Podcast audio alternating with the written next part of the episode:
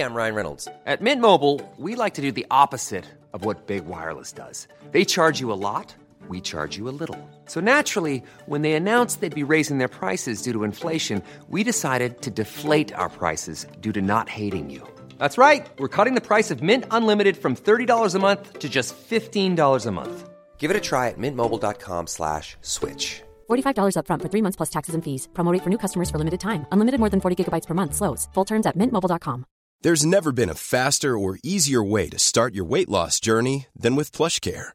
PlushCare accepts most insurance plans and gives you online access to board-certified physicians who can prescribe FDA-approved weight loss medications like Wigovi and Zepbound for those who qualify. Take charge of your health and speak with a board-certified physician about a weight loss plan that's right for you. Get started today at plushcare.com slash weight loss. That's plushcare.com slash weight loss. plushcare.com slash weight loss. Hey, Dave. Yeah, Randy. Since we founded Bombus, we've always said our socks, underwear, and T-shirts are super soft. Any new ideas? Maybe sublimely soft. Or disgustingly cozy? Wait, what? I got it. Bombus. Absurdly comfortable essentials for yourself and for those facing homelessness. Because one purchased equals one donated. Wow, did we just write an ad? Yes. Bombas. Big comfort for everyone. Go to bombas.com slash ACAST and use code ACAST for 20% off your first purchase.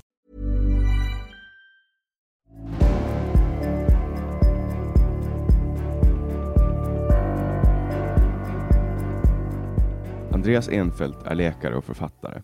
Han har skrivit boken Matrevolutionen och driver sajten Diet Doctor. Välkommen till podcasten Samtal, Andreas Enfeldt. Tack så mycket, kul att vara här. Jag blir ju normalt sett inte starstruck, men nu blir jag faktiskt det för att jag har ju följt dig under så många år, ända sedan jag, jag tror, gick antagligen i högstadie eller gymnasiet när jag läste din bok. Ja, kul att höra. Eh, tack för det. Och, och det, det, fick mig liksom att, att, ändra min livsstil helt och hållet. Och sedan dess har jag mer eller mindre predika den livsstil som, eh, som du lär ut. Men eh, vi, vi, ska återkomma till det. det. det. handlar ju om, när du skrev boken så, så hette det LCHF. Idag är det populära sättet att kalla det för keto. Men alla ni som lyssnar på den här podden vet att det här är någonting jag brinner för, så ni kommer att få ett eh, förhoppningsvis intressant eh, samtal idag. Eh, men du kan väl börja med att berätta lite om dig själv eh, och, och, vad du sysslar med och, och så. Ja, absolut, jag kan bara ta, ta det kort. Jag är läkare från början och eh, i 20 års tid varit extremt intresserad av kost och näring och hur man kan äta för att, att bli friskare och leva längre och må bättre etc. Smalare och ja, eh, mer välmående på olika sätt. Så det, jag, eh, det som fick mig väldigt intresserad av det här för 20 år sedan var ju att, att eh, när jag läste läkare så, så det jag fick lära mig och i princip vad folk fortfarande tror. Eh, på många håll. Att det handlar bara om att äta mindre och springa mer om man vill gå ner i vikt eller förbättra sin hälsa på vissa, vissa viktiga sätt som eh, blodtryck och, och blodsocker och, och, så vidare. Men det finns ju bra forskning som visar att att bara räkna kalorier och försöka begränsa hur mycket man äter, det leder lätt till att man blir trött och hungrig och besatt av tankar på mat etc. och misslyckas, nästan alla misslyckas. Så eh, kvaliteten på det man äter kan vara betydligt mer viktig långsiktigt och det var ju det jag kom in på då. Eh, i, i, till en början med minskar man på socker, minskar man på kolhydrater så blir man mindre hungrig och eh, kan gå ner i vikt utan hunger etc. Jag läste massor av eh, forskning om det här och sen började jag testa det här själv och sen på eh, ge råd till patienter. Och det var det som verkligen fick mig att, eh, att fastna i det här spåret. Skulle säga. Därför att patienter kunde komma tillbaka med, med sådana enorma hälsoförbättringar så att jag aldrig hade sett någonting liknande. Vi pratar om, om personer med diabetes till exempel eller fetma, högt blodtryck. Och eh, jag gick till mina kollegor som ibland hade jobbat i 20-30 plus år som läkare. De hade aldrig sett något liknande tidigare heller. Så jag kände bara att det här, här finns det ju någonting verkligt intressant. Så jag började läsa allt jag kunde om det här och åkte på konferenser och så vidare. Och sen startade då den här eh, bloggen, Kostdoktorn hette den då, för att sprida kunskap och inspiration om det här. Eh, blev till Sveriges största hälsoblogg på, på kort tid, så tydligen var det stort intresse kring det här. Det här var runt 2008? Ja, skrev en bok och, eh, och sen blev det en engelsk webbsida också, Diet Doctor, då, eh, som eh, bli, blivit till den största low carb eller keto-sajten i världen. Och eh, ja, nu är det ett företag, nu är vi närmare 70 personer som jobbar med detta. Och eh, ja, jättespännande har det varit eh, resan. Men, eh, eh, så jag, jag, gick från att vara läkare, familjeläkare till att bli entreprenör kan man säga. Jag slutade jobba heltid som läkare, eller slutade, slutade jobba som läkare och satsade 100% på detta för sju år sedan. Eh, efter en lång periods nedtrappning av, av min kliniska verksamhet. Eh, men det är ett eh, jättespännande resa, men jag tror att det är fortfarande bara början. Det här är, rör världens största hälsoproblem. Det som driver alla våra största orsaker till förtida död och även dålig livskvalitet som hjärtsjukdom, cancer, demens, stroke etc. etc. Bakom det ligger metabol hälsa. Och det här är, är liksom starkaste faktorn bakom metabol hälsa är maten vi äter. Mm. Så vi har en hel värld där det finns en en fruktansvärd epidemi av dålig metabol hälsa. Eh, till exempel 88 procent av vuxna i USA har dålig metabol hälsa på ett eller annat sätt. Nästan, De är alltså överviktiga? Nästan alla. Nej, det behöver inte bara vara övervikt. Faktiskt 70 procent av normalviktiga har dålig metabol hälsa på något annat sätt. Som högt blodsocker, högt blodtryck, dåliga kolesterolvärden etc. Eh, eh, ny undersökning visar att 30 procent av tonåringar i USA har prediabetes, alltså de är på väg att få typ 2-diabetes. Det är så fruktansvärt illa ställt med världens metabola hälsa och orsaken, den huvudsakliga orsaken bakom det är den industriella matsituation vi har idag med ultraprocessad mat som är näringsfattig, energität, eh, fattig på fibrer och, och rent eh, beroendeskapande för många. Samtidigt som den är billig och lätt tillgänglig. Det är ju och beroendeframkallande. Ja, beroendeframkallande för många. Så det är en perfekt storm alltså. Eh, så det är min passion att eh, via vårt företag hjälpa till kring det här. Keto är ju ett sätt. Men vi håller på och, och också ser det finns andra metoder också mindre kolhydrater är ofta en gemensam faktor, men det finns andra faktorer också som styr och, och påverkar hur vi kan bygga redskap som kan passa allt fler. Eh, och, och bygga redskap för att hjälpa människor att äta mat som de älskar medan de ändå förbättrar sin hälsa utan hunger, utan att räkna kalorier, utan att bli trött och besatt av mat, utan äta sig mätt, äta sig stark och ändå få en bättre hälsa. Det är det, det är som är min passion att, eh, mm. att bidra till det. Och det har du ju lyckats med. Alltså i mitt fall, för mig, när jag läste din bok eh, Matrevolutionen första gången, det var liksom en ögonöppnare för mig. Eh, för att jag växte upp i ett samhälle där man liksom pushar kolhydrater och jag har alltid naturligt varit eh, ganska tjock. Alltså som barn så blev jag, jag tror jag gick i två eller tre när, när min övervikt liksom började. Eh, och jag ville aldrig äta frukost, men man var så här, både på dagis och eh, sen i skolan så att ja, men frukost är det viktigaste målet på dagen. Och så gjorde de liksom så här undersökningar i skolan, vem som åt frukost och vem som inte åt frukost. Och jag åt aldrig frukost. Jag, ville inte, jag var inte hungrig på morgonen, jag blev illamående när jag åt frukost. Men då var skolan så här att ja, men Janne, kom hit en kvart eller 20 minuter, en halvtimme eller någonting innan skolan började så bjöd de på frukost. Och då, fick de, och då gav de så här till, till mamma och pappa, så här bara, ja, men, eh, fixa att Janne kommer till skolan en halvtimme innan. Och då fick jag sitta i matsalen och äta. Och det vi fick var vitt bröd med marmelad och sockrad yoghurt, cornflakes, müsli och eh, lågfett mjölk. Det var det de bjöd på. Eh, och sen, ja, sen hade vi så här från, eh, jag, jag kollade upp det sen när jag blev vuxen eh, för att mina syskon gick i samma skola. Det hängde planscher om mjölk i skolan som förklarar hur fruktansvärt viktigt det var att man skulle dö om man inte i princip, nu, jag överdriver lite nu, men jag kollade upp för att de här planscherna hängde kvar där många år, sen, många, många år senare visade sig vara en lobbyorganisation som ägs av, av liksom mjölkindustrin. Och det är så här, ja, mjölk är bra för kroppen. Mjölk är bra för skelettet. Det stod så på de här planscherna. Och när vi lärde oss läsa, vi satt ju och läste det där. Och det var så här, mjölken var never ending. Det kom bara mera och mera till bordet. Vi hade till och med så här små pyssel eh, uppgifter att när mjölken tog slut så skulle eh, pysslaren gå och hämta mera. Liksom. Så det där var som servering, liksom. skicka in mera. Sen, det är rätt sen... intressant när man har lobby, lobbyorganisationer för mjölkindustrin eh, som sätter upp planscher på väggarna och sen så med det man undrar hur inblandade eh, ekonomiska intressen kan vara i sånt där. Mm. Inte för att mm. mjölk kanske inte är det värsta man kan tänka sig i, i världen, det är inte det jag menar. Men det, men det är ett intressant samband det där. Nej, men jag menar varför, om, ekonomiska om mjölken, intressen och, och, jag menar, och Om mjölken får vara där, då borde ju köttindustrin få vara där, veganindustrin borde få där. Kanske vi ska sätta in mobiler också, Samsung och Apple får lägga upp planscher i skolan. Liksom. Det här var ju ändå liksom början på 2000-talet och, och sen när mina småsyskon som nu är 17-18 gick i, i lågstadiet så, så kollade jag upp var de där planscherna kommer ifrån. Uh, jag utgår från att man har tagit ner dem nu. Det är rätt för, spännande för, alltså.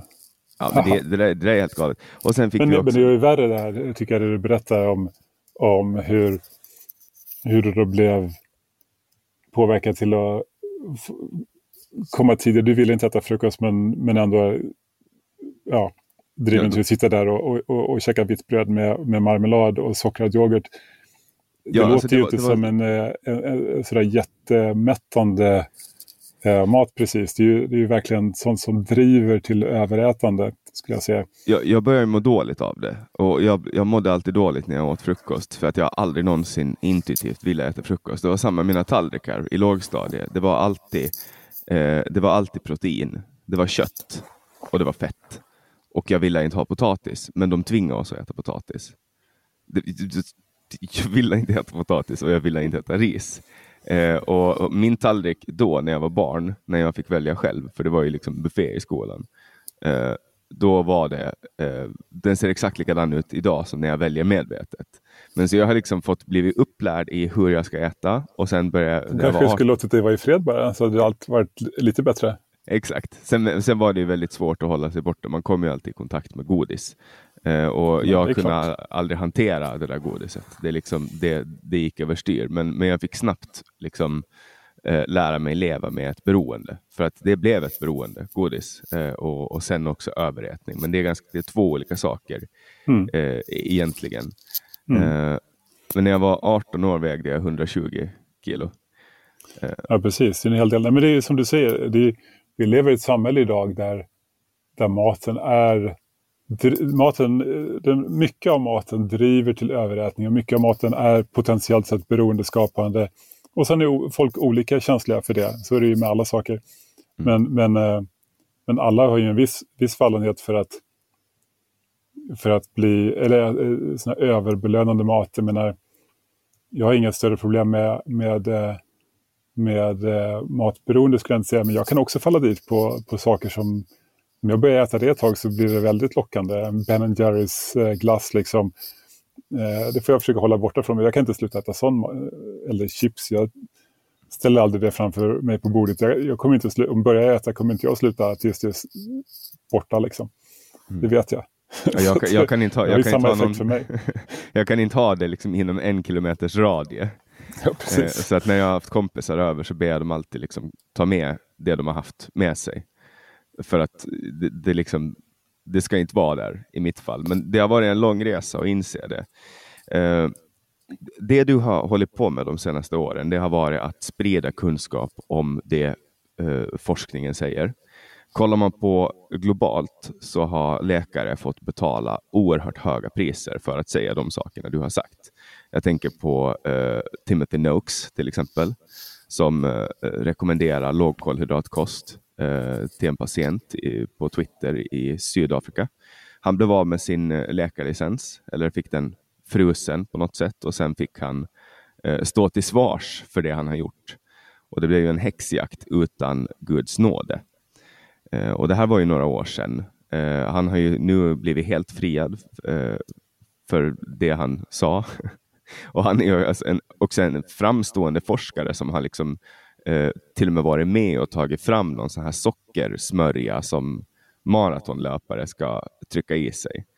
Eh, vad är det som har gjort att du har klarat dig från, från den här häxjakten och inte liksom, att inte folk har gått på det professionellt? Du har ju fått kritik och så, men, men det har ändå skett på någon form av anständig nivå.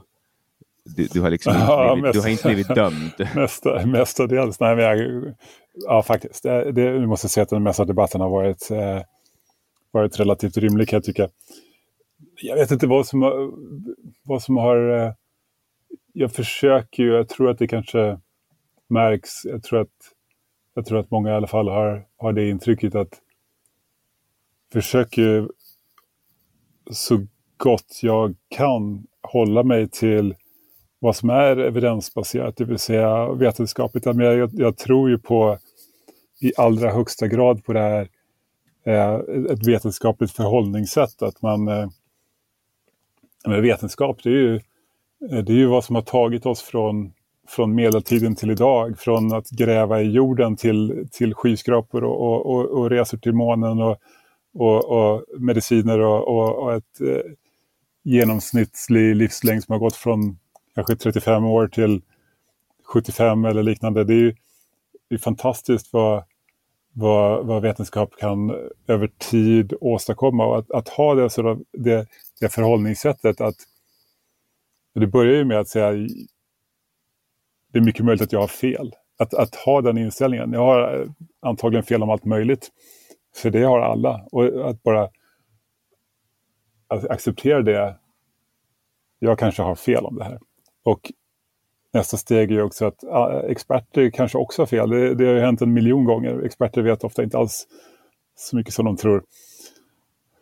Och tredje steget är ju att se att ja, men det är faktiskt möjligt med, med eh, vetenskapliga metoder att, att öka, att höja nivån på vår kunskap. Ny forskning och nya experiment kan driva utvecklingen framåt och det är faktiskt det som vetenskapen ska göra hela tiden.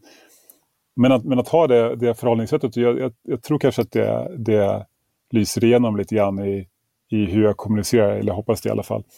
Att jag, jag försöker inte att uttrycka mig eh, självsäkert och, och, och, och, så om, om saker som det inte finns några bevis för. Utan då försöker jag uttrycka mig i sådana fall som att det här är en, det här är en teori, det här är en hypotes eller det här är, det är möjligen så det kan vara och mycket talar för att etc. Men, men inte påstå att så här är det och, och alla, alla ska äta keto eller LCHF för att bli friska och något annat funkar inte. Jag, menar, jag säger aldrig sådana saker. Till exempel. Därför att jag, jag ser inget bevis för att det skulle vara så. För, för det som är så slående intressant med hela den här debatten om, har ju varit det paradigmet som, som utgår ifrån att eh, fett är farligt. Eh, fett gör att du eh, förkalkar, eller vad heter det, för fett, heter det förkalkar blodkärlen? Ja, man, man väl båda, båda orden kan användas. Ja, man förkalkar med fett och så får man hjärtinfarkt och sen dör man. Och Det är för att man, man äter mycket fett och sen på något sätt åker fettet runt i blodet och liksom lägger sig på eh, blodkärlen. Och det är ju någon, någon teori som är ganska, alltså, det, det är ganska äckligt att förklara den för folk och folk blir äcklade och man har ju sett bilder när jag var liten så visar de ju så här Uh, alltså jag blir typ lite illamående när jag tänker på det, men det var så här, för de här margarinreklamen så hade de ett rör, typ så gummirör, och så tryckte de ut fett ur det och bara, ah, det här är din blodådra. uh, och sådana saker, och så bara det här händer om, om du äter mycket fett. Och på något sätt så lyckades de helt lura folk. Att anledningen att, att människor får hjärtinfarkt mm. är för att de äter en hög andel mättat fett. Jag skulle och, kanske inte använda ordet lura där, därför att jag tror att folket bakom den här teorin, de, de trodde mycket på det. Tror jag. Sen kanske att det har använts också mm. i, en del betald marknadsföring som ett eh, bekvämt argument. Eh, så att ibland kan det finnas ekonomiska incitament bakom. Men, men jag tror att den vetenskapliga situationen eller vetenskapliga ursprunget till den här teorin var, så vitt jag känner till, helt ärligt att, att eh, att vetenskapsmän trodde på det här konceptet. Sen är det alltid problemet med med näringslära och, och eh, mänsklig hälsa är att det är så oerhört svårt att få eh, säker kunskap på området. Därför att du kan inte bara låsa in en miljon människor och, och mata dem viss typ av mat och, och hålla dem inlåsta i, i, i 50 år. Det går inte. Det är bara i Kina man kan göra så? Ja, jag vet inte ens om de skulle klara av det. Så därför kommer vi aldrig att få perfekt kunskap på den nivån utan vi får nöja oss med forskning som är betydligt osäkrare och betydligt mer möjlig att tänja på att, att, att eh, ja, men hitta svagt stöd för vad helst man tror på egentligen. Man kan alltid hitta svagt stöd för vad som helst med hjälp av sådana här statistiska, observationella, epidemiologiska som det heter, undersökningar. Och, och det är på något sätt grunden till vårt problem på det vetenskapliga planet här att du kan hitta stöd för vad helst du tror på. Eh, och, eh, och eh, det blir väldigt svårt att motbevisa. Jag tror att det här med eh, att, att fett skulle vara liksom orsaken till hjärtsjukdom är ett exempel på det. Därför att det finns massor med väldigt osäker vetenskap som talar för att så skulle kunna vara fallet och så finns det en massa annan vetenskap som talar emot det. Och så står vi där och så, ja, det är svårt att säga 100 procent åt det ena eller andra hållet. Men vad jag skulle sammanfatta det med är väl att det vetenskapliga läget är att om fett har en direkt betydelse för hjärtsjukdom så är det i sådana fall liten. Och eh, det är mycket möjligt att det inte spelar någon praktisk roll. Och, I, i, i, på, något, på något direkt vis, utan snarare i sådana fall det är ju metabol hälsa som är starkast kopplat till hjärtsjukdom egentligen. Du, du har ju sådana saker som blodsocker och diabetes driver ju upp orsak, eh, risken för hjärtsjukdom enormt mycket. Det är ju nästan det, det som driver upp det allra mest. Högt blodtryck också, dåliga kolesterolvärden i form av eh, lite av det dåliga kolesterolet och, och höga triglycerider. Eh, metabola, så att säga, ohälsan. Det driver ju hjärtsjukdom oerhört mycket starkare än det här som kallas det onda kolesterolet. Som, visst, det spelar en roll, det finns en koppling där, men den är oerhört mycket svagare. Så att problemet blir ju då, om man skrämmer folk för fett på väldigt lösa grunder och driver folk till att äta mat, eh, att, att undvika mat med naturlig, naturligt fettinnehåll, alltså riktig mat, kött, ägg etc. Och så driver folk bort från det till kanske mer processade kolhydrater och, och till och med mer ultraprocessad mat potentiellt för att man blir rädd för riktig mat. Det är ju den maten som verkligen potentiellt driver överätning, metabola, metabol ohälsa och så vidare. Så att risken är ju att man när man på lösa grunder skrämmer folk för naturligt fettinnehållande mat så kan man faktiskt göra situationen värre. Därför man kan driva folk mot sämre mat. Mm. Och det är ju, det är ju definitivt eh, vad utvecklingen har, har, har gått mot. Jag menar, vi har ju en eh, fruktansvärd utveckling de senaste 40 åren eh, när det gäller metabol hälsa. Det är ju, det är ju helt galet. Min kompis berättade häromdagen om en, eh, en gammal topp som hade hållit ett tal där han berättade om, om liksom ursprunget till eh, termen nyttig idiot som då härstammar från Sovjet. Och att eh, Sovjet har ju alltid varit, alltså Sovjet när de var på topp, de var liksom en prime superpower, även om de var väldigt små i, alltså i sin ekonomi. Och så, så hade de typ världens bästa militär, de hade kärnvapen och de hade en sak som den fria världen aldrig hade. Och det var pro propaganda. Och de var oerhört skickliga på propaganda. Och det de gjorde och lyckades genomföra eh, och, och, gjorde med perfektion, det var att i USA lyckas vända en hel generation mot den äldre generationen och skapa, liksom e-, ett, alltså, skapa en konfliktyta som, som, som dök upp liksom 30-40 år senare. Och nu trots att liksom muren föll för 30 år sedan så har de ändå lyckats vända hela den här generationen. Så nu har de tagit en gammal, gamla liksom höger konservativa USA och så har de byggt en vänster som, som liksom har skapat en konfliktyta. Och det är lite samma med kost, att man har liksom under lång, lång, lång tid skolat en hel generation i att det är farligt att äta fett. Man ska ha lightprodukter. Eh, men man, liksom fokuserar på fettet och glömmer liksom bort det här med kolhydraterna. Eh, och sen säger folk, ja men kolhydrater är bra. Det är klart att det finns kolhydrater som, som är bra i uppsättningen på en tallrik, men, men det är precis som du skriver i din bok, att om man tar bort fett som är energi, då måste energin komma någon annanstans ifrån. Därför att en kropp fortsätter ju förbränna lika mycket varje dag som den behöver för att överleva. Och om du då tar bort fett som är en ganska koncentrerad form av energi i förhållande till kolhydrater, då måste man ju ersätta det med någonting och det folk ersätter det med är kolhydrater. Och ersätter man det med protein får man egentligen samma resultat. Att det, det, alltså äter man för mycket protein, då, det blir också en, en inte en jättebra sak. Uh, jag kan ta ett exempel för jag ser att du ser lite fundersam ut. det, det, var, det var när jag... När jag, jag kan inte, kanske en aning. Jag har försökt eh, med alla, alltså jag tror inte det finns någon diet i hela världen jag inte har prövat. Alla måste ju hitta, alltså eftersom alla är individer och det är så det är bara att titta på en annan människa och se att den ser inte ut som jag. Så inser man att man är individ och då måste man ju förstå att det här är på alla nivåer, även på molekylär nivå. Och eh, Jag har försökt med olika former av keto. Jag har försökt vegan-keto. Eh, det gick inte så där jättebra. Efter ett halvår så kom jag till min läkare på vårdcentralen som an hade analyserat mina prover för jag hade mått så fruktansvärt dåligt, varit sjukskriven och så tittade hon på, på mig och så sa hon alltså det, vad du än äter så måste du sluta. Du måste byta kost. Sen frågade hon, vad äter du? Och när jag svarade att jag var vegan, då blev hon så här, alltså hon blev jättechockad, för hon har ju, även hon var ju inne på det här att man ska äta lite kött och så vidare. Mm. Uh, men ett, ett, det största felet som jag har gjort när jag har gått på keto, det är att jag har låtit en för liten andel energiprocent komma från fett. Jag har liksom levt i den här, jag har läst mycket om träning också, så här, oh, man ska ha två gram protein per kroppskilo, vilket har gjort att jag har legat på en för, för stor andel protein vilket har resulterat i gluconeogenes som har gjort att mitt blodsocker har liksom förstört min ketos. Så jag har gått runt i månader, trott att jag har följt en jättebra ketogen kost, men mått som en kratta.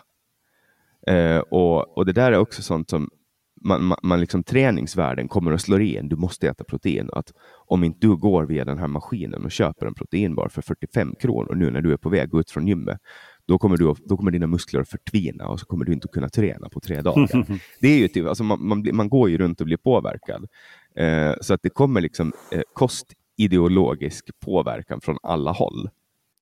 Eh, och nu har vi en generation som, som jag ser hur de drar på ögonbrynen. Alltså du ska ha sett när jag jag hade precis fått ett nytt jobb för, för några år sedan och första gången jag åt lunch med dem eh, och beställde en omelett med eh, smör eh, på sidan. Det var liksom en stor omelett på typ fem sex ägg eh, och sen en jätte, jättestor klick smör. Och den här, den här killen var så här, alltså han trodde, han trodde att han var så här, alltså dina artärer kommer att spricka nu, sa han. Det där är det sjukaste jag har sett. Jag fattar inte hur du kan äta det där. Mm. Uh, så att de, de här ideologierna har, har liksom gått. Men uh, i din bok så tar du upp exemplet med Ansel Keys. Jag tänkte att vi kan väl ägna några minuter åt att prata åt honom, för han är väl en av dem som, som eh, har fått mest skit för att ha liksom skapat den här kolhydratshetsen och antifetthetsen. Eh, åtminstone en ganska stor delorsak. Mm. Ja, det är en intressant historia. Där. Eh, jag kan säga bara om, om protein. Eh, ja, det kan vi också diskutera mer senare. Men, men vi, kan, vi kan ta Ansel Keys. Um, ehm, det är klart att han var sannolikt en av dem som påverkade mest när, när vi fick den här teorin att, eh, att fett höjer kolesterol i blodet, vilket eh, kan leda till hjärtsjukdom. Då. Um,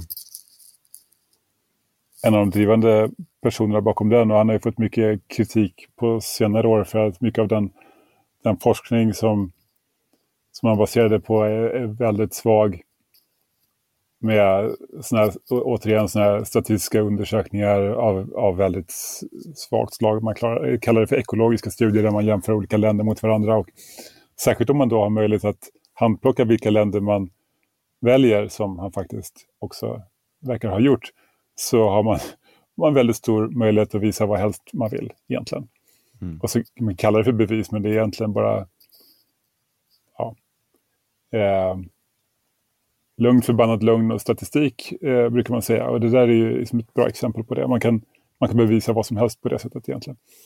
Mm. Så det, det är ju väldigt svag eh, vetenskap som ligger bakom eh, uppseglingen av den här teorin. Sen finns det ju en del eh, bättre studier, men ändå med stora svagheter som, som är gjorda senare och som visar lite tvetydiga resultat skulle jag säga.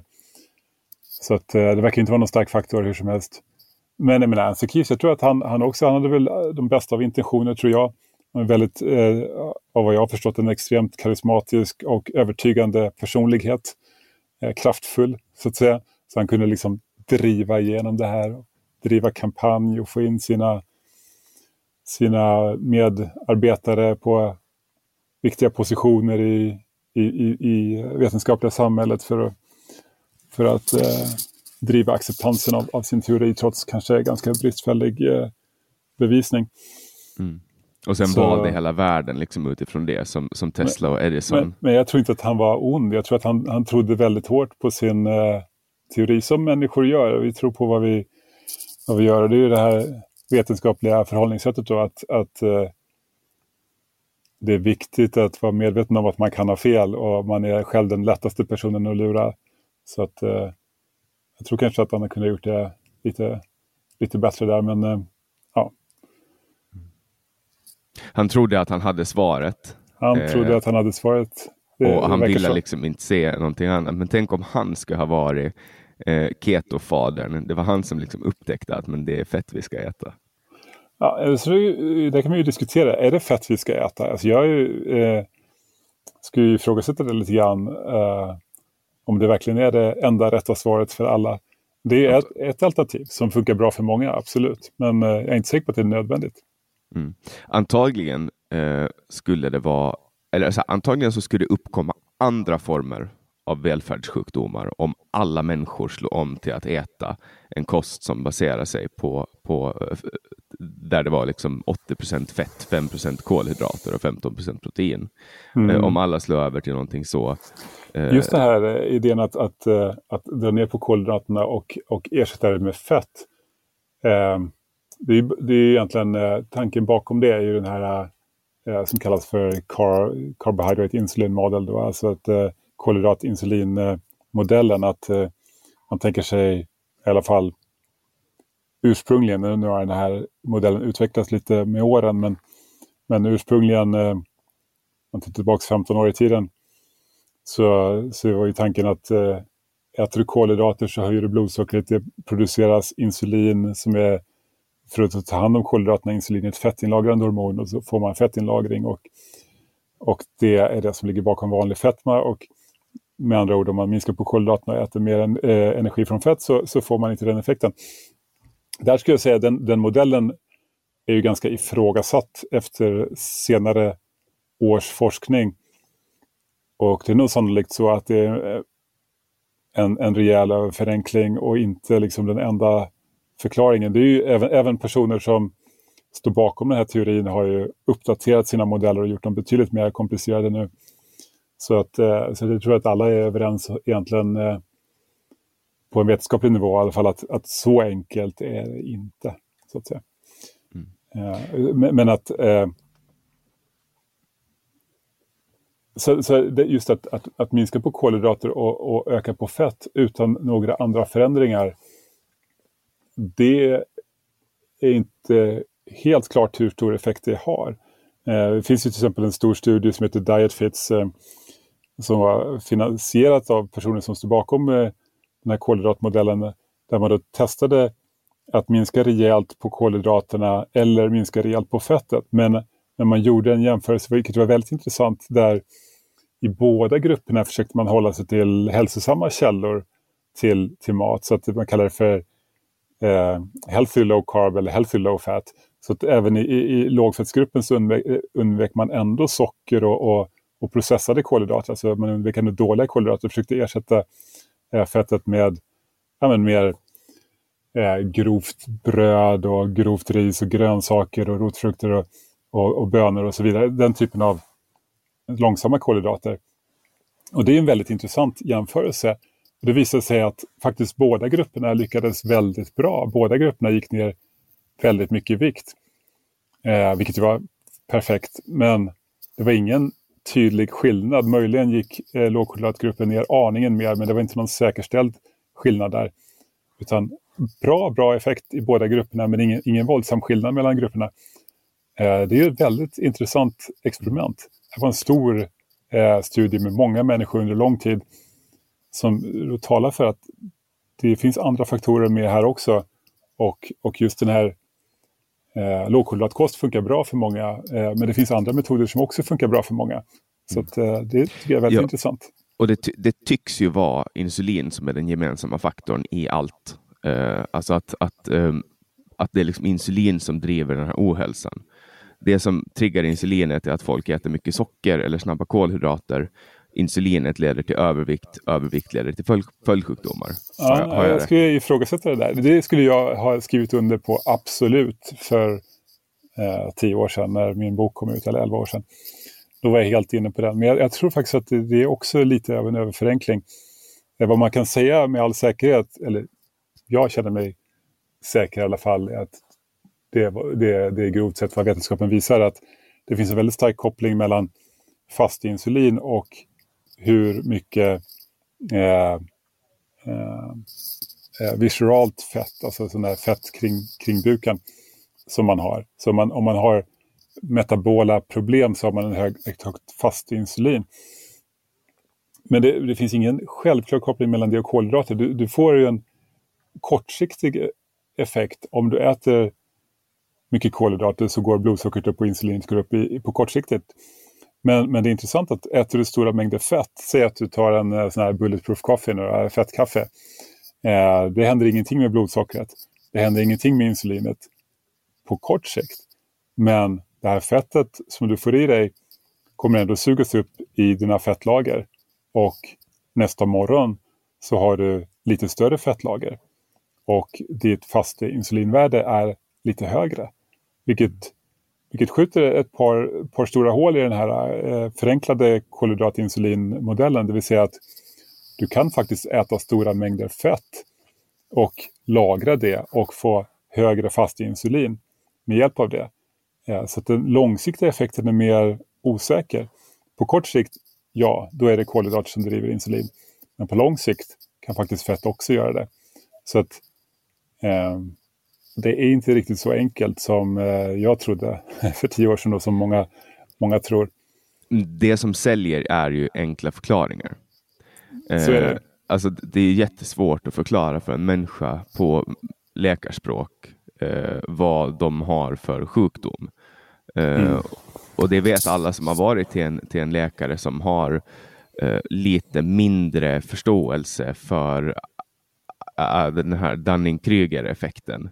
Ja, eh, jo, den, är, den är stark. Ja, de sätter sig ner och kanske ska förklara vad den betyder. Ja, exakt. De säger någonting som är liksom så här, jag fatt, de, du vet, man, man förstår ju inte, eller nu, nu, nu, förstår ju du, men jag förstår inte vad det är jag ser framför mig när jag får prover. Eh, utan det måste ju vara en läkare som förklarar att det här är bra, det här är dåligt, det här kan bli bättre. Liksom. Eh, och, och, Det är så man säljer populära dietböcker. Man, man, man, gör, man förklarar på ett sätt som ingen har förklarat tidigare. Eh, men när det kommer till protein då? Eh, för att kolhydrater och fett det är ju de två omdebatterade makronutrienterna. Eh, och protein det är mest sånt som träningsmänniskor håller på med och en del säger så att du ska ha oproportionerligt mycket protein och andra säger nej men det räcker med 0,6 gram om dagen per kroppskilo. Eh, vad, vad, vad, vad, kan man säga om, om proteiner i förhållande till, till de här andra två makronutrienterna? Ja, protein skulle jag säga är den mest intressanta makronutrienten på ett sätt därför att eh, det är den som vi behöver varje dag. Det är ju det som eh, bygger upp våra kroppar. Det handlar inte bara om man går på gym eller inte och bygger muskler utan det handlar om alla inre organ, hud, hjärna, allting byggs i, i viss mån. Det, det är byggstenarna som, som bygger upp vår, vår kropp och tillsammans med proteinet kommer också tillsammans med mat som innehåller naturligt mycket protein så kommer också vitaminer och mineraler. Så egentligen kan man dela upp det och säga att kolhydrater och fett, det är, det är energin i maten och, och proteinet, vitaminerna och mineralerna, det är, det är näringen på det sättet att det är det som bygger upp våra kroppar. Och, och eh, det här är spännande därför att kroppen behöver ju både och. Den behöver energi för att drivas. Den behöver näring för att och, och bygga upp och, och förnya våra, våra celler etc. Vi behöver en viss mängd näring varje dag. Och kroppen har en tendens att vilja äta tills den får tillräckligt mycket näring. Vilket betyder att om maten vi äter är näringsfattig, som den ofta är, idag med ultraprocessad mat, proteinfattig, vitaminfattig, mineralfattig, då behöver vi äta mer för att få i oss den näring vi behöver. Och vad som händer då är att vi får i oss mer energi. Och det driver överätande, driver fetmautveckling etc. Det finns spännande forskning som visar, det kallas för protein leverage-hypotesen, att sänker man andelen protein bara lite grann så får både djur och människor ett behov av, känner ett behov av att äta betydligt mer mat. Så det kan faktiskt vara en viktig faktor eh, bakom fetmautvecklingen. Så vi kanske tycker lite, tror lite olika om det här. Eh, men, men jag tror att det är en viktig faktor bakom fetmaepidemin. Att, att i genomsnitt äter folk faktiskt lite väl lite, lite protein, lite, lite låg andel i maten i alla fall. kan diskutera gramnivåer, men ligger man nere på 12 till 14 procent protein som många gör idag så kan det nog vara att det driver på överätning. Tittar vi på eh, jägar-samlarfolk, alltså våra historiska förfäder, där, där mycket av våra gener utvecklades, så, eh, så finns ett stort vitt spann eh, sannolikt för, för hur mycket protein eh, man åt. Det kan ha varit allt mellan 20 och 40 procent kanske. Men i genomsnitt kanske kring 30 eller så eh, procent, kanske lite lägre. Men, eh, våra kroppar fungerar ganska bra faktiskt under, under, under, under vitt skilda förhållanden. Men nere på 12 till 14 procent, det är nog tveksamt. Särskilt när vi lever ganska stillasittande liv och inte, inte, inte bränner så mycket energi. För sen så, är det så... ju jättestor skillnad också på hur kroppen tar upp protein. Att om du är vegan till exempel, då kommer du ha lite svårare att plocka upp.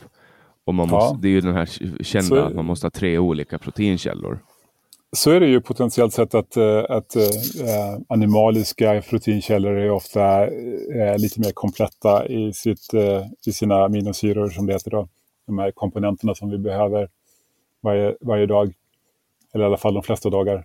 Eh, så att eh, är man vegan då är det lite svårare att få i sig eh, och man kan behöva något mer protein för att få samma effekt. Mm. Ja, alltså jag har ju aldrig mått så dåligt i hela mitt liv som när jag var vegan. Um, och, och, jag, gjorde, jag testade olika former. Jag testade, alltså jag, det, finns, det, det, finns alla dagar i veckan så jag är beredd att kasta ut allt jag vet om kost och testa någonting nytt. Eh, och det gjorde jag i januari i år. Eh, första januari så eh, kastade jag ut allting jag visste om fasta Eh, jag hade fast bestämda åsikter om att den enda vettiga fastan var den där man tillförde en viss andel protein och eh, mineraler via dyra shakes som man köpte i butiken så att det blev dyrare att fasta än vad det var att äta. det är ju märkligt faktiskt. Ja, men du vet, du vet, man, du vet, man går runt och så plockar man upp en, en trosföreställning och så, och så håller man den hårt. Liksom. Det är bara att kolla på alla religiösa människor där ute. Det är dyrt att fasta. Det, ja. Ja, men så, så då, det är då läs... alltså. Jag läste en bok av Dr. Jason Fung eh, som handlar om fasta och eh, läste om autofagi, någonting som jag, jag, vet inte, jag håller på med periodisk fasta nu i fem sex år och det funkar hur bra som helst. Eh, men nu körde jag en vattenfasta och till början tänkte jag köra 21 dagar eh, och folk sa du är sjuk i huvudet Jannik, du kan inte göra så. Eh, nu är jag inne på dag, när vi pratar, 89 eller 90 eh, på noll kalorier, eller så, så, långt det går att komma till noll kalorier i alla fall. Vatten. Jag dricker vatten, elektrolyter, alltså salt och vitaminer. Och du har ju analyserat mina prover, eller du, du har tittat på mina prover som jag tog. Jag betalade 4 000 kronor för blodprover. Eh, och eh, inför det här samtalet så, så skickade jag dem också till dig. Eh, och eh, den läkaren som, som kollade på dem första gången, hon har aldrig varit med om någon som har fastat så här länge och hon, hon trodde liksom i sin värld att det här går inte. Eh, du, du, ska inte ha de här blodvärdena nu när du har intagit ätit. Liksom hon, hon var liksom ifrågasatt. Har du verkligen inte ätit? Um, och det där trodde jag också. Jag trodde också att man dör om man inte äter. Uh, men jag är i högsta grad levande. Och jag har gått ja, ner 37 kilo. Det är flott. Ja, att man går ner i vikt av att uh, vattenfasta, det är ju klart. Det, det, ehm. visste, det visste man. Liksom. Men att, att man kan må så här bra och vara så här koncentrerad, det hade inte jag. Jag, jag, jag var inte beredd på det. Jag trodde att jag skulle gå runt och må som Eh, en påse nötter. Eh, men jag har faktiskt mått mycket bättre nu under den här perioden än vad jag gjorde när jag gick runt och släpade på 115 kilo. Mm. Ja, men det, är, det är ett sätt att, att göra det på förstås. Det kräver kanske viss kunskap och försiktighet. Eh, kan ju vara bra med lite medicinsk övervakning när man gör så långa fasta perioder tänker jag och, eh, och även att vara försiktig när man börjar äta så att man inte får det här. Det finns ju något som kallas, du har säkert läst om, refeeding syndrome. Ja. Att det kan vara det, det, kan kräva lite, lite eftertanke hur man, hur man börjar äta igen. Ja, man, all, man, ska alltid, man ska alltid prata med en läkare innan man börjar fastan och kolla upp sina värden. Och man ja, ska alltid jag skulle inte rekommendera folk att göra så långa fasteperioder utan läkarkontakt. Eh, Precis, Nej, men det, det, är väldigt så viktigt. Inte, och inte få folk att göra något som potentiellt kan vara riskfyllt. Exakt, och om man behöver avbryta fastan också göra det under övervakning av en läkare. Nu när jag ska bryta den här långa fastan, eh, jag kommer att köra fram till 100 dagar, då kommer jag börja väldigt försiktigt med benbuljong. Eh, så jag har köpt 150 kilo ben från eh, ekologiskt eh, gräsbetande åländska kor. Eh, och nu har jag 40 liter buljong som har stått i två dygn. Jag ska faktiskt hälla av den idag när vi är klara här. 150 kilo ben. Ja, där ja. ser man. Ja, ja, det, är, det är inte många som gör det. Nej, men det, det är också en så här... Vi, vi ska hoppa tillbaka till det. Jag vill bara gå in ett litet sidospår på benbuljong.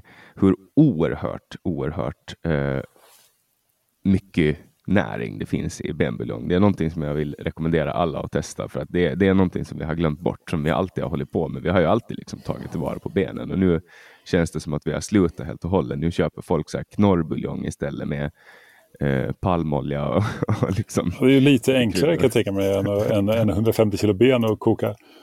Ja, man kan ju, köpa, man kan ju köpa ett kilo märgben också på Ica. bara. det är imponerande, men jag tror, inte, jag tror inte det är så många som kommer följa dina fotspår där. Ja, vi får se. K kanske. Om jag lyckas kanske, bli en du kanske startar en trend. Ja, en health influencer. Det vill ju alla mm. vara. Ah, som ja, du. Okej, okay, ja, det är Ja, men, men, men vattenfasta. Vattenfasta, eh, det, har, det har blivit populärt.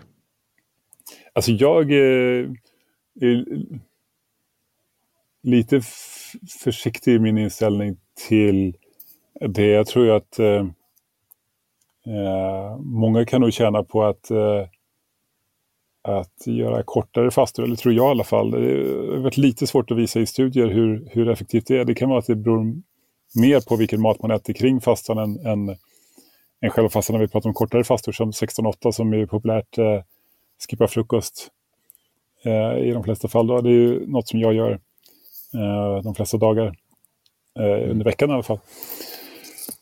Det tycker jag fungerar bra, men för mig är det mest så att jag, som du var inne på tidigare, jag är inte hungrig på morgonen. Jag behöver inte frukost. Det är fantastiskt att, spara tid på det sättet. Eh, jag har ingen som helst behov av det. Det går jättebra med en kopp kaffe. Och sen äter jag en... Jag tar min eh, breakfast till lunch istället. Breakfast. Mm. Ja, alltså du, du äter av dina egna fettreserver på, på morgonen helt enkelt? Ja, eh, det funkar väldigt, väldigt bra för mig. Det jag tror är är potentiellt sett eh, ja, men, eh, vattenfasta, längre vattenfastor, det, det, är klart att det är en metod som, som många har använt med, med viss framgång. Jag tror att det är väldigt viktigt då, liksom vad, vad, eh, vad går man över på för mat sen? Därför att eh, det är lite av en kortsiktig lösning på ett sätt att, att visst, man bränner mycket fett, men om man sen börjar äta mat som som driver till överätning, då är det lätt att man bara lägger på sig det fettet igen. Säg att man har 48 timmars fasta eller någonting sånt. Eh, på regelbundet sätt. Så risken är att man bara man, man bränner fett men sen så äter man mat som lagrar in det fettet igen och även under en fasteperiod så det finns ju alltid risken att man tappar lite av sin muskelmassa. Så, så risken är ju om man inte gör det på ett bra sätt att, att eh, man tappar fett och lite muskelmassa och sen så efteråt så lägger man på sig fettet igen men lite mindre muskelmassa och att man egentligen bara får en sämre kropp, kroppsfördelning då eh, över tid om man, inte, om man inte tänker på vad man äter. Så jag tror inte att, att långa fastor i sig är, är kanske den bästa lösningen för de flesta. Mm. Men för, för folk, det, för, för det, folk som bara, har... för, bara för att avrunda, jag tror att det är viktigare vad man äter när man äter än, än hur man fastar. Mm. Och, och, det där är ju, alltså som, jag förstår ju hur, hur, hur, hur det för de allra flesta inte skulle funka. De allra flesta, mer än nio av tio människor, har inte behov av att fasta för att de kanske mår bra.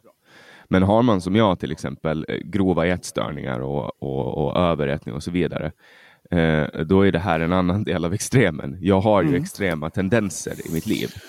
Eh, det är intressant in... utifrån det perspektivet om man då har eh, beroendetendenser att man, man får verkligen en, en, en lång vila från det. Det är ju som att, man kan, man kan på något sätt eh, ändå göra en intressant jämförelse med andra typer av beroenden där, där abstinens från det man är beroende av är ju, är ju en del av, av behandlingen i allra högsta grad. Mm.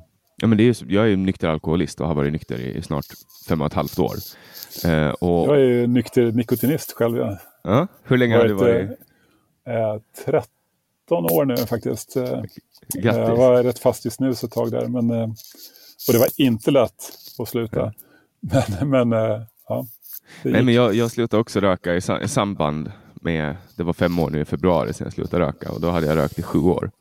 Och det där är liksom, eh, alltså i förhållande till att sluta röka, eh, så var att sluta äta mat ingenting det var jobbigt de första tre dagarna, sen var det jobbigt runt dag 10-11 och sen var det dag, jobbigt runt dag 20-21 och sen hade du vet, bara varit lättare att inte äta än att äta. Mm. Uh, men det som jag har liksom upptäckt, uh, det, är, det är det här autofagi. Uh, alltså det här med att kroppen bryter ner trasiga eller dysfunktionella celler till aminosyror och återanvänder dem. Och det var ju någon som fick eh, Nobelpriset för det här för inte alls, alltså typ 2016. Det var väl en av de gnistorna som tände på hela den här faste, vattenfastetrenden. Mm. Och de flesta som kör vattenfast och gör det, typ, alltså om, vi, om vi inte pratar om, om liksom periodisk fasta som kan vara 16 timmar eller 18 timmar, mm. så är det typ 24 timmar eller 36 timmar eller 48 mm. timmar. Det är det normala. Och det är mm. väl runt timme 36 eller något sånt som, som autofagin kommer. Eh, jag är inte jag en expert på det här, men min, min förståelse av det är att eh, det, det är relativt osäker kunskap ännu vad det här har för eventuella positiva eller, eller andra effekter. Att det, ja, så lite av en chansning skulle jag säga att det är. Man fastar 24 eller 48 timmar för att få autofagi och föryngra sin kropp. Jag hoppas att det lyckas. Men jag tror inte det finns några bra bevis för att så är fallet. Mm. Inte som jag känner till i alla fall. Ja, men det, det, är väl, alltså det finns och så är det ju med allt när det kommer till sådana Det är jättesvårt att få folk att fasta och därför är det jättesvårt att forska på det. Det finns inte så mycket data därför att de flesta människor vill inte vara utan mat så där länge och de flesta människor har aldrig någonsin, eller ja, kanske, kanske någon, någon inte, de senaste tio åren så har de flesta inte hoppat över mer än två, tre mål. Liksom. Kanske någon gång som någon inte har ätit på en hel dag av, för att de har varit magsjuka eller någonting. Men... Ja, precis. Det är väl typ då det, det, då det händer kanske för ja. de flesta. Men, men, det är ju också ett psykologiskt beroende att äta. Eh, precis som det rökning och snusning är också ett psykologiskt beroende. Så mm. man får liksom bråka med två olika beroenden, det vill säga kroppens eh, begär och sen psykets begär. Och så är det i hög grad också med att fasta. Men sen förstår jag också varför, varför så många religioner har inkorporerat fastan. Därför att man får verkligen kontakt med sig själv eh, man kommer upp i någon form av alltså så här, eh, andligt stadie där, där man börjar göra insikter om, om livet som är liksom, bara det är värt det ur mitt perspektiv. Men, men eh, vi får se. Eh, jag har ju, jojobanten nu har omsatt över ett ton de senaste tio åren. Mm. Eh, och, och, och enligt de indikationer som finns och det jag har läst mig till så är det större sannolikhet eh, att man behåller sin vikt efter man har fastat än om man, går, eh, om man kör med ren kalorirestriktion. Eh, alltså kalorirestriktion tror jag funkar väldigt dåligt för de flesta i längden. Det, det, det är inte bara jag som säger det. Jag pratar med många världsledande personer som kan tänka sig att prata med mig. Eh, som, som säger samma sak. Eh, jag tror att det är det största, den största myten eh, när det gäller eh, mat och vikt och, och hälsa idag. Det är det här att eh, det handlar bara om viljestyrka. Det är bara att räkna kalorier, registrera dina kalorier, väga all din mat eh, och bara ät mindre. Jag menar, att folk fortfarande tror på det är sorgligt. Jag menar, det, det, det är så tydligt tycker jag i vetenskapen och i, i folks erfarenhet att det här funkar inte i längden för nästan någon eller ytterst få. Om man inte ändrar kvaliteten på det man äter så blir det oerhört svårt att bara vilje, viljemässigt bara försöka eh, äta mindre. Därför att kroppen har ju den här en set point som det heter. Beroende på vilken livsstil man har så, så, så bestämmer sig kroppen för en, en, en, eh, en viktnivå som, som den tycker är lagom. Och, och att försöka svälta sig ner från den är ju ett evighetsjobb kan man säga. Och så fort du eh, tappar koncentrationen så, så går det upp igen. Och, eh, och även att, att försöka hålla sig där nere leder ju till då ökad hunger, man känner sig tröttare, man förbränner mindre, eh, mindre ork, man får mer och mer eh, tankar och, och, och till, möjligen cravings, liksom tankar kring mat. Och man, man, kan bli besatt av tankar på mat om man, om man svälter sig ner i vikt helt enkelt. Så att, jag tror inte att det är någonting som borde rekommenderas till någon egentligen. Mm. Eh, inte, jag kan inte tänka mig någon som, som skulle tjäna på den metoden utan det jag tror vi måste ställa om till, eller bör ställa om till om vi vill ha ett bättre förhållande till mat och, och hälsa är ju att, att se att det handlar om kvaliteten på maten. Äter man bättre så, så har det andra hormonella effekter i kroppen och kroppens setpoint kan hamna lägre. Eller motsatt högre då om man äter, äter sämre mat. Sen är det mer frågan vad, vad, är, vad är bättre och sämre mat? Och det här är en väldigt spännande fråga som vi håller på att jobba med i vårt företag eh, jag tror att, eh, att lågkolhydrat kost eller keto är en bra metod för många om man trivs med det. Men att eh, det finns många andra som funkar också och eh, eh även metoder som kan vara eh, både enklare och mer effektiva. Så det, eh, det, här är riktigt spännande tycker jag. Mm. jag har Men kört... inte, inte bevisat ännu nu då. man kan säga att keto eller low carb är, är, ju, är ju minst lika effektivt eller mer effektivt än, än andra metoder som är väl beprövade och testade. Men eh, återigen, med ett sånt här vetenskapligt förhållningssätt så vi vet inte sanningen ännu här. Och eh, det är fullt möjligt att det går att utveckla modeller med ny kunskap som är både effektivare och mer flexibla. Så det är något att jobba på. Mm. Och jag har ju med framgång eh, under långa perioder haft en kost som har varit till stor del kolhydrater som har funkat väldigt bra mm. rent allmänhälsomässigt, men där till exempel jag haft problem med magen, GI till exempel, mm. funkar jättebra energinivåsmässigt och så vidare. Men jag blir väldigt dålig i magen. Och så vidare. Ja, ja. Och, och kan man sen, bli av eh, fiberrika eh, kolhydrater, bönor och sånt. det, ja, men det, är, är välkänt fenomen. Det, nu, nu, nu har jag kört de senaste åren så har jag varit carnivore och bara ätit kött. Eh, men det är, också en, så här, det är också en djungel. Det är inte så enkelt som att man bara hittar en blodig biff som man kastar i sig, utan där är det en, en evig jakt på, på bra eh, kor, liksom. gräsbetade kor. De ska liksom ha så lite, och sen ibland bara så kan det gå, komma så, så pass, gå ner så, så pass djupt att det är rasen av ko som är mer kompatibel för min kropp att en cimental eller en highland kettle kan vara bättre än en angus. Alltså, du vet, det, det, det kan liksom, så, på så små, små, små grejer kan, kan det skilja. Eh, och sen går det ju aldrig att veta om det är det eller om det är förpackningen eller om det är bara liksom årets skörd. Alltså det kan vara, det kan, man vet aldrig vad det är som gör att det skär sig. När man hittar. Jag är ju på jakt efter den perfekta dieten. Jag kommer antagligen aldrig att hitta den. Men någonstans så är det jag är ute efter är livskvalitet och kunna trivas i min kropp. Eh, jag, kommer, ja. jag har vägt, jag har perioder vägt, alltså jag är 185 centimeter lång och jag har vägt runt 70 kilo och varit så smal så att folk har, har liksom sagt åt mig att nu, nu måste du gå upp i vikt. Liksom. Eh, och då har jag tittat på mig själv i spegeln och sett en överviktig person. Sett en mm. tjockis. Liksom. Mm. Och, eh, ja. det, det, här vanligt, är liksom... vanligt problem tänker jag. Med, ja, med, I dagens samhälle, mycket, mycket sån problematik. Ja, det där sitter ju någonstans i huvudet. Man, man får jobba väldigt mycket med sin, sin egen hjärna och sitt eget sinne. Mm. Eh, och det finns säkert någon diet där ute som jag inte har upptäckt ännu. Eh, jag, jag, ska försöka liksom upptäcka inälvsmat. Det, det känns som att du är, du är på jakt efter många, du hamnar i många extrema varianter. Fasta hundra dagar, eh, äter carnivore, men inte vilken carnivore som helst, utan det måste vara rätt koras också. Det är ju ganska, då, då pushar du ganska långt. Jag undrar om det finns någon, någon lite mer balanserad modell som du skulle kunna trivas med och som fungerar för dig. Det är bara en, en fundering.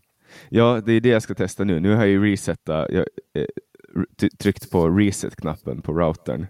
Eh, så nu när jag kommer tillbaks igen så ska jag långsamt introducera, när jag har kommit tillbaks till att kunna äta liksom, min egen eh, BMR, då, base metabolism rate. Och när jag kommer upp dit så ska jag introducera en sak i taget. För jag, jag, tror att det är någonting jag är överkänslig mot.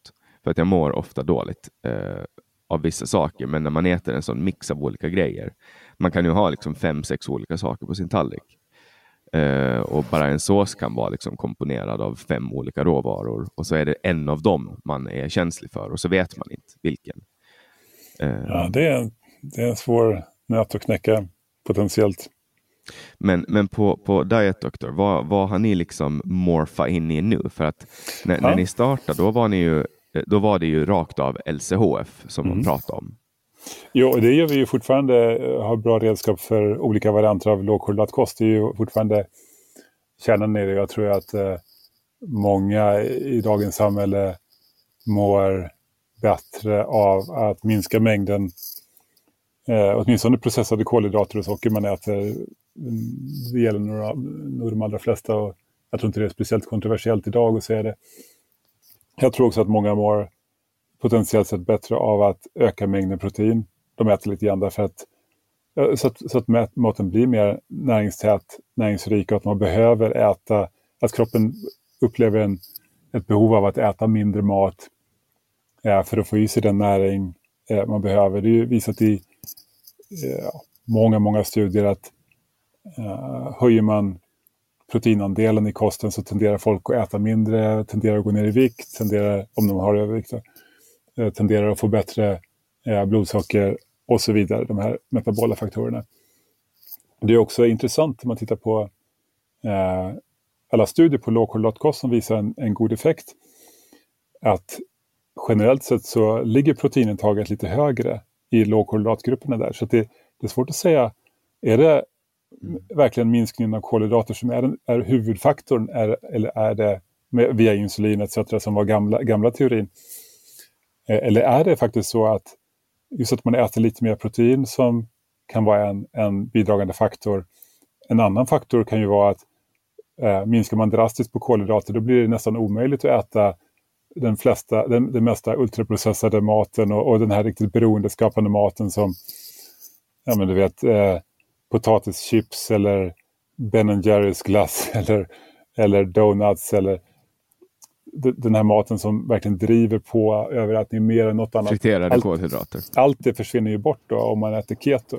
Så, att, så är det kolhydraterna i sig eller är det att, att eh, proteinhalten går lite upp och att man äter mindre processad mat och man undviker den här beroendeskapande maten. Jag tror ju att, att, eh, att det kan vara mycket av de här andra faktorerna. Så vad vi håller på med Morphouse mot är ju, ja, mindre kolhydrater, men också lite högre andel protein, mindre processad mat, mindre beroendeskapande mat och att hitta metoder för att, att guida folk mer till mat som, som man verkligen gillar. Mat som passar en perfekt, passar ens livsstil. Idealiskt sett mat som man älskar att äta, som ändå kan hjälpa en att nå ens hälso och viktmål. Det, det är det vi jobbar oss mot och eh, bygger redskap för och vår app eh, eh, drivs mot, mot det också. Så det är det som jag tycker är väldigt spännande, för om man tittar på eh, våra konkurrenter och, och, och, andra redskap som finns tillgängliga, jag tycker inte att det eh, finns något riktigt bra. Så man kan titta på Netflix till exempel, det är ett bra exempel på Eh, där kan man hitta filmer och tv-serier man älskar. Spotify hjälper en till att lyssna på musik man älskar. Men vart går man för att hitta hälsosam mat som man älskar? Det finns liksom inte riktigt någon tjänst för det. Det är det vi håller på eh, att utveckla på ett mycket mer personaliserat sätt. Eh, och där jag tror att våra konkurrenter gör fel är att de fortfarande fokuserar på mäta, väga, äta mindre, äta färre kalorier och personer får göra jobbet själv. Det är som om du ska gå in på Netflix och vad får du där? Jo, du får registrera hur många tv-serier du har sett idag och hur många dokumentärer och hur många actionfilmer du har sett och så, så får du kurvor på det. Ja, varsågod, det var tjänsten liksom. Mm. Och kanske om du verkligen letar så finns det någon, någonting att titta på men är liksom inte personaliserat på något sätt. Det är ungefär så är konkurrensen idag. Det är helt sjukt vad dåligt det är. Det är så sant när du säger det. Jag tänker på en specifik app som jag har använt väldigt mycket som säger så här, väg din mat så säger vi om den är bra eller dålig. Men de säger aldrig ät det här, det här är bra. ja, så, det är alltid någonting då, men väg din mat. Okej, okay, vad, är det, vad, är det, vad är det för input de får då? Alltså, ja, man, mycket... man, man, väger sin mat och så skriver man i vad och så säger den så här bra var din måltid. Baserat på vad?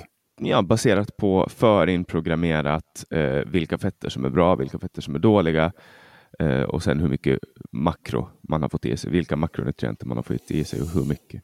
Mm, men mm. men de, de värderar bara hur bra fetterna är och hur dåliga fetterna är och det är baserat på, eh, på, på, det rådande paradigmets syn. Mm. Så att säga. Så att det ja, fetter som de böckerna jag läser säger att det är bra, säger appen att det är dåligt. ja, precis. Det är så kontroversiellt och, och kanske så spelar det mindre roll än man tror vilka mm. exakta fetter, om det är omättat si och så många procent eller, eller, eller mättat.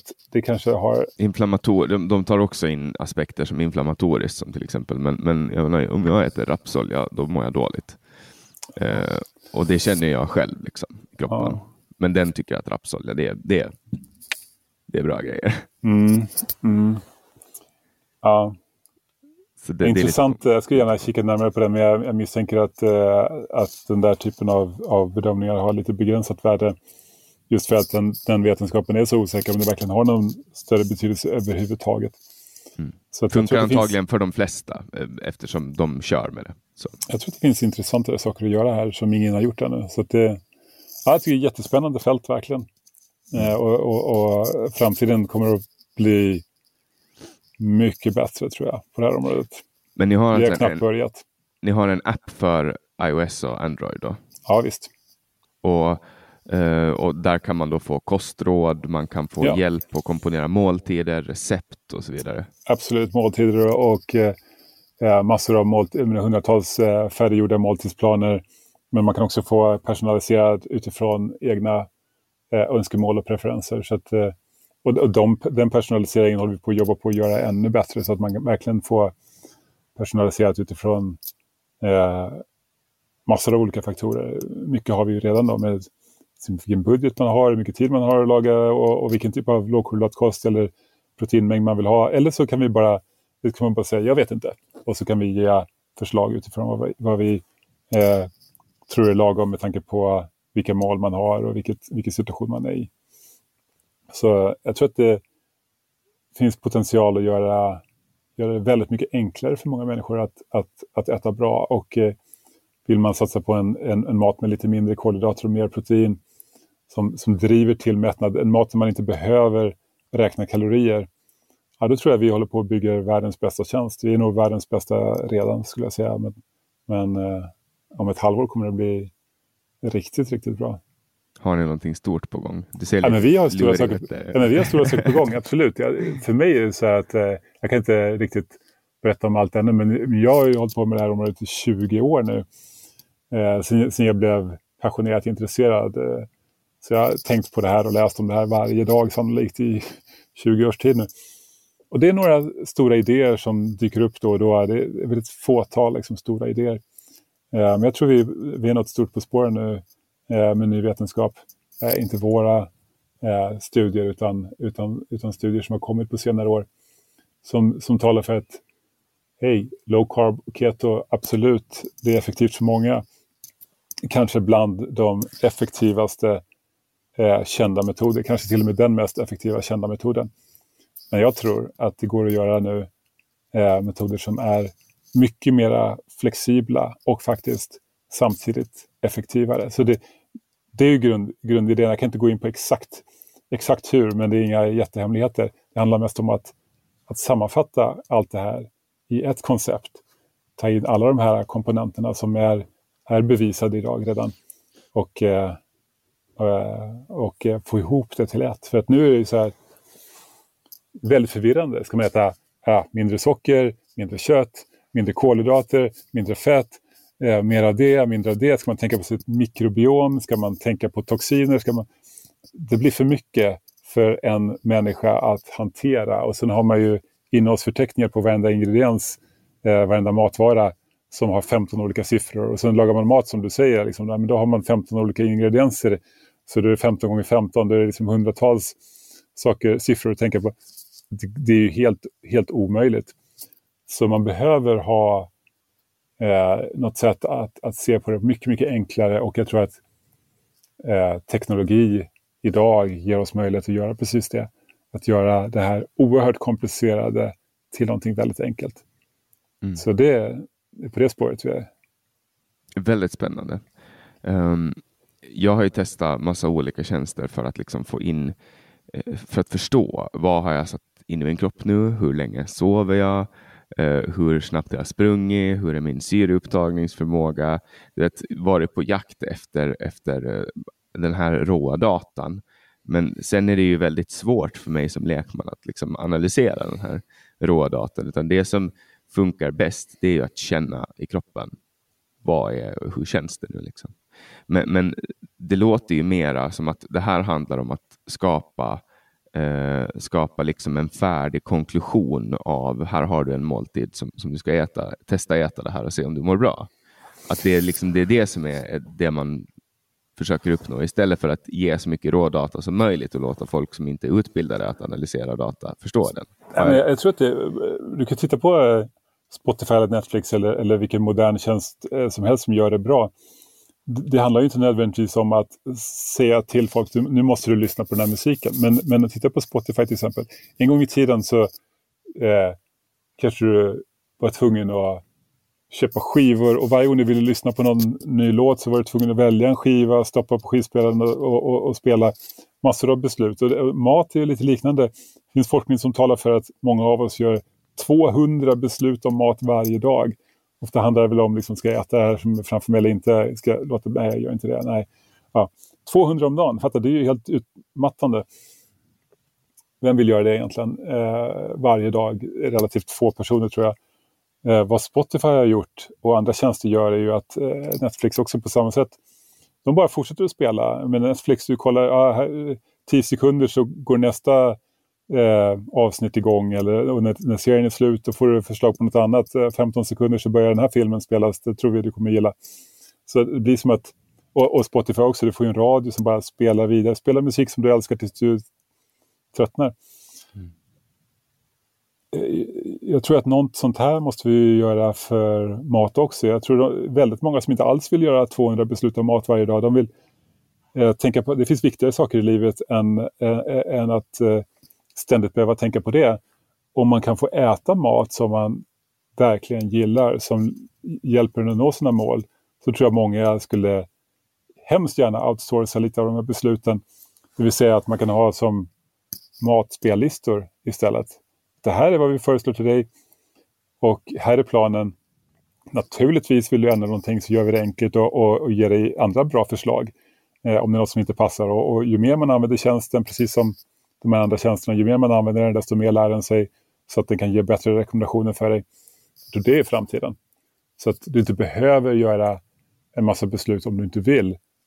Men, men samtidigt, om du vill ta beslut om exakt vad du vill äta så ger den dig perfekt stöd för att göra det på ett enkelt, snabbt sätt som, som eh, leder till dina mål och som ger dig förslag på mat som du kanske inte ens hade tänkt på. Som personer som du gillar också det här. Men det är en jättebra tjänst man får på Amazon eller var som helst. Varför inte med mat? Vi vet att personer som du de älskar den här maten, har du prövat den? Nej, ja men det är spännande. Så att man kan få hjälp både med att ta bort beslut som man inte vill och att göra de beslut man gör bättre och enklare. Så det är mycket spännande där att göra med modern teknik. Mm. Och du, du jobbar inte alls som läkare idag längre? Nej, det gör jag inte. jag jobbar... Eh... Ba, du jobbar bara som IT-entreprenör? Du har tagit på dig Silicon Valley-hatten nu? Alltså det handlar ju mycket fortfarande om... Eh... Jag jobbar ju med det, det som jag är passionerat intresserad av, mat och hälsa och vetenskapen kring det. Jag får chans att, att prata med många av de bästa eh, smartaste människorna på området i världen, vilket är en fan, fantastisk eh, ynnest. Så eh, ja, lika delar eh, IT-entreprenör och, eh, och bara, vad ska man kalla det för? Jag försöker ta in den kunskap som finns och integrera den och sen så paketera den så att den kan ge värde till människor. Och har du någon bok på gång? Ingen bok på gång. ingen bok på gång. Eh, har inte tid med nu. Det är redan eh, långa, långa veckor. Eh, jag försöker eh, hinna med att träffa min familj också, förutom jobbet. Men det är typ de två saker jag har tid med. Du, jag kan inte du... skriva en bok just nu. För, för jag menar, Diet Doctor finns internationellt. Ja, det är framförallt på engelska. Det är ju vår största marknad. USA är vår största marknad. Befinner du dig mycket i USA? Nu har det inte varit eh, på grund av corona eh, mycket på några år, men jag har några resor planerade eh, senare i år, så nu, nu drar det igång igen. Mm. Nästa gång om en månad faktiskt. Det blir första gången i USA på mer än två år på grund av corona. Mm. För du har ju föreläst en del på engelska. Ah, oh ja, jag ska faktiskt sitta och föreläsa nu i Metabolic Health Summit, heter det. En eh, konferens om metabol hälsa. Mm. Du berättar i din bok om lite intressanta eh, hälsokonferenser du har varit på där de står och säljer viktnedgångschoklad. Ja, jag är ju inte något stort fan av det kan man väl säga. Det är väldigt roligt egentligen hur, hur man lyckas övertala människor att äta choklad för att gå ner i vikt. Ät bara den här så går du ner i vikt. Ja, jag är inte säker på att det är så jättehjälpsamt. Eh, men när du har den här typen av eh, eh bantningsshakes då, som är, eh, ersätter din riktiga mat med en, eh, med en, en eh, milkshake ungefär. Och, och visst, den är låg i kalorier och den innehåller den näring du behöver. Så visst, det funkar ju. Men, men alltså, det är inte långsiktigt på något sätt. Vem vill sluta äta mat och istället dricka shakes? Men du slutar äta mat helt utan något, men du, du är lite, eh, vad ska man säga, eh, det är inte många som skulle klara det tror jag. Jag är extremt lagd. Jag går, jag går 100% in med allt jag gör, kan man säga ungefär. Precis. Det gäller du... även överätning. Jag, jag har träffat få människor som är så bra på att överäta som jag är. Ja, precis. Du, du har en lite högre förmåga än de flesta. Förmo- mer än mig. Jag skulle aldrig klara det du gör. Jag försökte fasta, eller försökte, jag, jag har gjort några endagars fastor och en tvådagars fastor. En, en tvådagars fasta, det är så långt jag kom.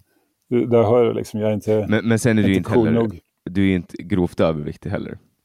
Nej då, nej då. Jag, jag, jag tror inte att jag eh, skulle tjäna på lång fasta faktiskt. Eh, mm.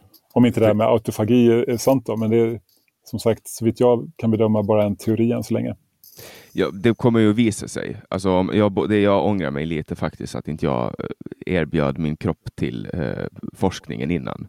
Mm. Eh, att jag sa att jag är beredd att fasta i hundra dagar. Här, ta vilka mm. blodprover ni vill. Mm. Eh, då skulle jag ha varit en... Det men kanske, varit intressant. Ja. Ja, vi får se om jag kanske går... Det, det är ju inte etiskt att, att låta folk fasta så här länge eh, och därför är det väldigt svårt att få fram data. Men jag borde ha, jag borde ha, men det kom liksom inne, fastan kom, sparka egentligen igång under en period där jag hade, jag hade corona eh, under nyår och jag eh, hade liksom inte ätit på två dagar naturligt mm. för att jag blev helt slut. Alltså jag klarade inte av att äta överhuvudtaget. Mm.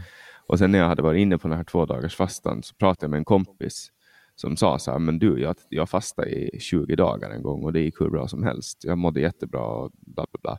Mm. Och så läste jag den här boken av, av Jason Fung och sen bara kom allting av sig själv. Eh, men om det är så att jag nu misslyckas med mina åtaganden, för att nu har jag, jag ska börja äta igen i, om, om ungefär eh, nio dagar, åtta, nio dagar. Mm. Och, och, då ska jag försöka... Det är härligt. Ja, det ska bli Hoppas spännande. Jag. jag. vet ju inte ens hur saker smakar längre. Jag har glömt bort liksom. Eh, så det ska bli en, en speciell känsla. Men jag kommer ihåg hur det var. Jag försökte ju sluta röka under många år och man lyckades hålla sig rökfri i tio dagar. Så tänkte man, åh, den här cigaretten jag ska ta nu kommer att vara så perfekt. Den kommer att vara underbar. Och så rökte man och så tog man ett bloss och så var det jättehärligt. Och sen andra blosset så var det precis som att man aldrig hade haft ett uppehåll. Så jag antar att det kommer att vara samma sak igen, att hjärnan skapar en bild av hur den tror att det kommer att vara och bara, ja, det här kommer att vara så härligt. Men sen har jag ju ändå ägnat största delen av mitt liv av att äta, så att jag tror inte att det kommer att vara så häftigt sist och slutligen. Jag hoppas det blir trevligt ändå, men som sagt, det är bra att du tar det försiktigt där i, i starten. Mm. Det jag ser mest fram emot det är att kunna börja träna igen. För där, där, ska man vara lite, man ska iaktta försiktighet med hur mycket muskler man bryter sönder på gymmet mm. när man vattenfastar. Det är ingenting som, som man ska mm. syssla med. Ja, kan det vara sant. Sen har man ju kanske lite, jag tänker så här bara att det kan vara lite sämre läkningsförmåga och sånt. Eh, och att bygga upp muskler handlar ju faktiskt om att läka kroppen, så jag tror att det är bättre att bara låta. Ja, det är väldigt svårt att bygga muskler medan man fastar, det tror jag. Under lång fasta alltså. Mm, det, är nog knapp, det är knappast möjligt. Nej, exakt. Det känns lite fysiologiskt omöjligt, nästan, nästan omöjligt. Men ja, du skulle, I teorin skulle kunna bryta ner andra kroppsvävnader och bygga upp muskler förstås, men jag tror i praktiken att det är svårt. Mm. Men det jag märkt nu med, med liksom viktnedgången, att, att i början så gick jag ner 600 gram om dagen ungefär, 600 gram och sen har jag liksom planat ner och lagt sig på runt 470 gram om dagen. Uh, och nu har den i princip upphört för att nu säger kroppen, nu är du klar. Så det är här du ska vara. Nu väger jag 78 kilo. Det kanske är dags att kasta in handduken. Ja, nej men det är, det, jag håller på nu, du vet, men, men det måste gå långsamt. Så att jag börjar fastan med ben, alltså börjar bryta den med benbuljong långsamt och du vet, bygger upp hela den här grejen. Sen ska jag mm. träffa läkare igen och bara kolla att allting funkar. Man vill ja. inte ha re refeeding. Är ju det Nej, ta det försiktigt. Det tror jag är viktigt. Alltså. Mm. kan vara riskabelt det där. Ja, Uh, Man pushar det för långt och går tillbaka för hastigt. Ja, jag har en tendens att göra det, men, men vi, vi får se. Jag, tror, jag tror att jag, jag ska, som sagt, jag ska testa introducera olika livsmedel långsamt och se, se hur det funkar. Och, och kanske jag lyckas, kanske jag misslyckas. Mm. men, ja, lycka till. Eh, tack. Och jätteroligt, Andreas. Eh, jag har som sagt, jag sa det till dig innan vi började spela in, att, att, eh, att läsa din bok och eh, Eh, läsa dina texter har, har liksom förändrat mitt liv i grund och botten. Eh, det var det som skickade in mig på den här lågkolhydratkosten som har gjort att, att jag har kunnat överhuvudtaget må bra i perioder, och långa perioder. Före det mådde jag alltid dåligt. Sen har jag börjat må bättre i perioder och längre och längre perioder. Jag har till och med kunnat gå av mediciner som jag har tagit. Jag har sett, och inte bara ett litet antal, utan ett stort antal mediciner. Jag tog elva olika preparat eh, vid en period. Eh, nu tar jag ingen medicin överhuvudtaget. Eh, så att jag har liksom en sjukdom som jag har, har i princip lyser med sin frånvaro för att jag följer den här kosten. så det vill jag tacka, från djupet av mitt hjärta vill jag tacka för att du satte dig ner och skrev den där boken. Ja, tack så mycket och gratulerar till alla framgångar. Jag hoppas du hittar en, en bra modell för dig i framtiden som ja, men som är hållbara och som gör att du behåller alla dina hälsovinster. Tack. Och eh, jättestort tack för att du var med i podcasten Samtal. Ja, vad kul att vara med. Tack för inbjudan. Och till alla er som har lyssnat, det är jättekul att vara tillbaks i poddsvängen. Jag ber om ursäkt för att den här podden blev lite sen.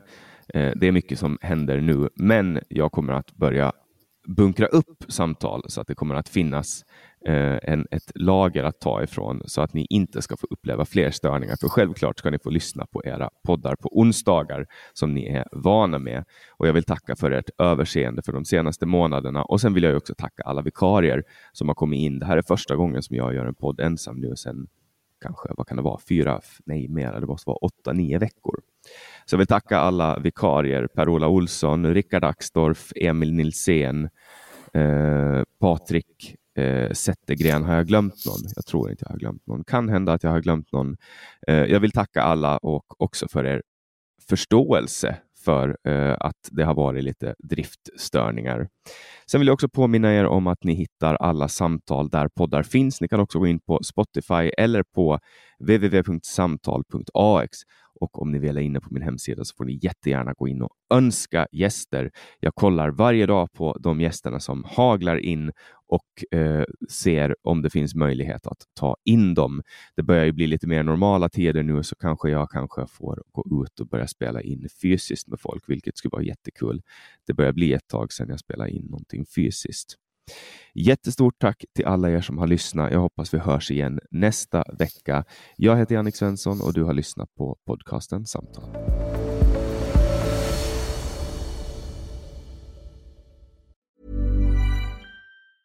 Planning for your next trip? Elevate your travel style with Quince. Quince has all the jet setting essentials you'll want for your next getaway, like European linen, premium luggage options, buttery soft Italian leather bags, and so much more. And is all priced at 50 to 80% less than similar brands. Plus, Quince only works with factories that use safe and ethical manufacturing practices. Pack your bags with high-quality essentials you'll be wearing for vacations to come with Quince. Go to quince.com/pack for free shipping and 365-day returns.